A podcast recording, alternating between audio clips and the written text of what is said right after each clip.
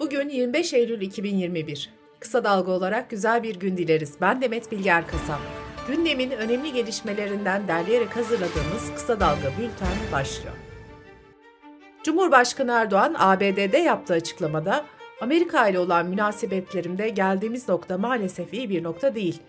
Sayın Biden'la iyi başladık diyemem demişti. Erdoğan bu açıklamasını dün de tekrarladı. Cuma namazı çıkışında konuşan Erdoğan, iki NATO ülkesi olarak bizim çok daha farklı bir konumda olmamız gerekir. Ben şu ana kadar Amerika'daki liderlerin hiçbiriyle böyle bir konum yaşamadım. Amerika şu anda terör örgütlerine beklenenin çok çok üstünde destek veriyor diye konuştu. Erdoğan Amerika'daki açıklamasında Türkiye'de Kürt sorunu olmadığını söylerken çözdük bitirdik demişti. HDP'den Erdoğan'ın bu açıklamalarına tepkiler geldi. HDP eş genel başkan yardımcısı Meral Danış Beştaş, bu sorunun çözüldüğünden Kürt halkının haberi yok. Birçok Kürt vatandaşla görüştüm, hepsi Erdoğan'ın açıklamasına tepkili. Erdoğan ne yaparsa yapsın, Kürt seçmenden oy alamayacak dedi. HDP sözcüsü Ebru Günay da haftalık basın toplantısında Erdoğan'ın sözlerine yanıt verdi. Günay, çözülen Kürt sorun değil, sizin iktidarınız diye konuştu. Günay ayrıca muhalefet kanadının başlattığı Kürt sorununda çözüm ve muhataplık tartışmalarını önemli bulduklarını sözlerine ekledi. MHP lideri Devlet Bahçeli ve Cumhurbaşkanı Erdoğan'ın ardından Cumhur İttifakı ile birlikte hareket eden Büyük Birlik Partisi'nden de Kürt sorunuyla ilgili benzer bir açıklama geldi. Partinin Genel Başkanı Mustafa Destici, Türkiye'de Kürt sorunu diye bir sorun yok ki, dedi.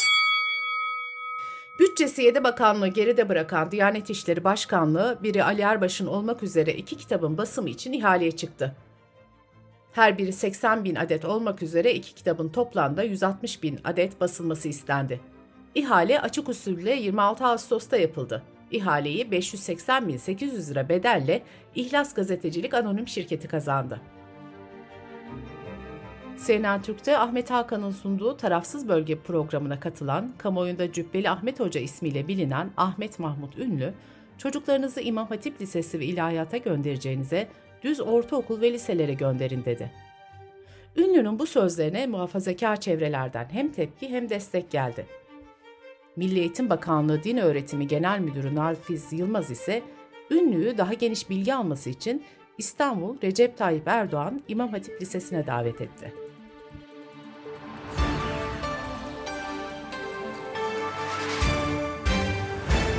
Ankara Mamak'ta Şehit Ali İhsan Okatan Ortaokulu'nda sözleşmeli olarak görev yapan din kültürü ve ahlak bilgisi öğretmeninin 8. sınıf öğrencilerine Alevi olanlar parmak kaldırsın dedikten sonra Aleviler neden namaz kılmıyor, oruç tutmuyor sorularını yönelttiği belirtildi. Cumhuriyet gazetesinde yer alan bu haberden sonra açıklama yapan AKP sözcüsü Ömer Çelik, olayla ilgili soruşturmanın devam ettiğini söyledi. Çelik, Alevi Sünni vatandaş gibi bir ayrımı asla kabul etmiyoruz. Türkiye Cumhuriyeti vatandaşlığı temel çatımızdır. Kardeşliğimiz her şeyin esasıdır diye konuştu. Kültür ve Turizm Bakanı Mehmet Nuri Ersoy, Şanlıurfa'daki Karahantepe kazı alanında incelemelerde bulundu. Göbekli Tepe'nin adının değiştirileceği iddiaları için konuşan Ersoy, herhangi bir isim değişikliği yok dedi. Diyanet İşleri Başkanlığı bir soru üzerine bazılarının haksız ve sebepsiz yere kazanç sağlamasını sağlayan dijital kripto paraların kullanımının caiz olmadığını belirtti. Türkiye Büyük Millet Meclisi Küresel İklim Değişikliğinin nedenlerini ve alınacak önlemleri araştırma komisyonu taslak raporunu tamamladı. Rapora göre Türkiye'de yaz aylarında sıcaklıklar 6 dereceye kadar artabilir. Yağış miktarlarında ise aynı dönemde %60'lık azalma görülebilir. Bültenimize COVID-19 haberleriyle devam ediyoruz.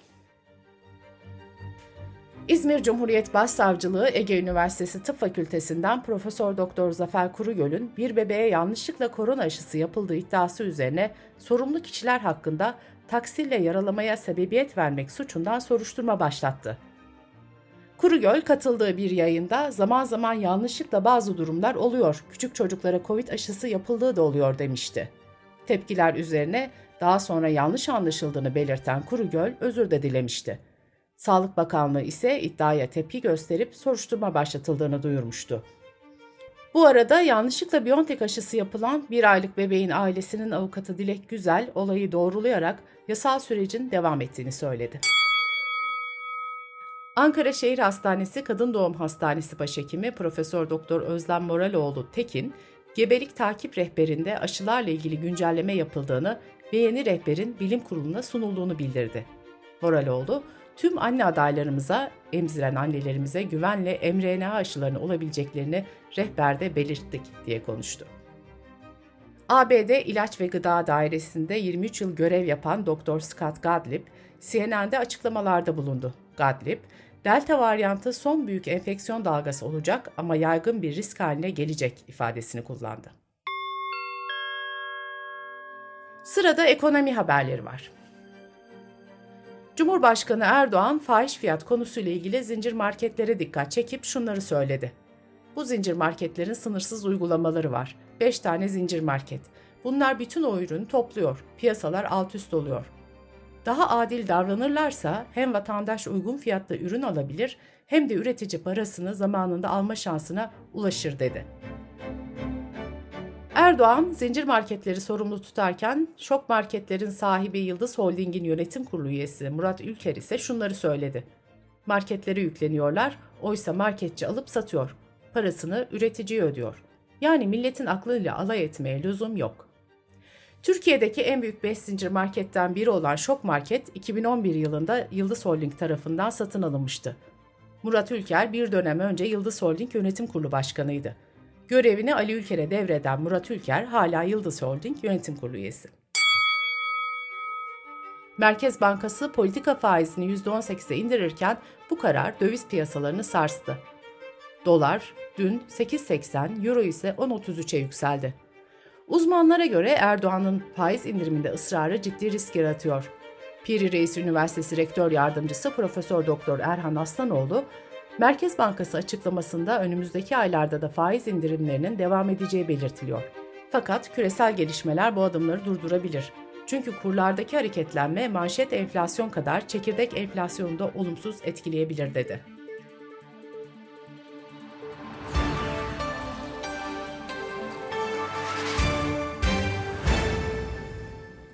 Türkiye Bankalar Birliği'nin verilerine göre geçen yılın Temmuz ayında 51.172 olan bireysel kredi borcunu ödememiş gerçek kişi sayısı bu yılın aynı ayında 141.999 kişiye çıktı.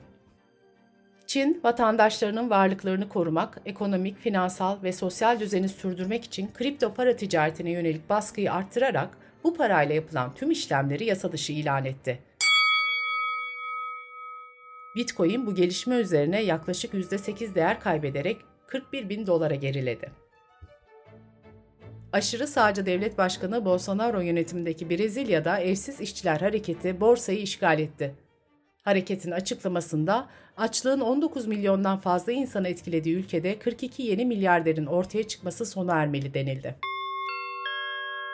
Dış politika ve dünyadan gelişmelerle devam ediyoruz. Türkiye'de Nisan ayında gündeme gelen belediyelerin gri pasaportla insan kaçakçılığı yaptığı iddiaları ile ilgili Almanya'da 4 soruşturma açıldığı, üçünün devam ettiği öğrenildi. 20 yıl sonra Afganistan'da yeniden yönetimi ele geçiren Taliban'ın kurucularından Molla Turabi, ülkede güvenliği sağlamak amacıyla uzuv kesme cezalarına devam edeceklerini söyledi. Turabi, infazların bu sefer halkın gözü önünde yapılmayabileceğini belirtti. İsviçre eşcinsel çiftlerin evlilik ve evlat edinme hakkı konusunda pazar günü referanduma gidiyor. Son anketler İsviçre'nin yaklaşık %63'ünün eşcinsel evlilikten yana olduğunu ortaya koyuyordu.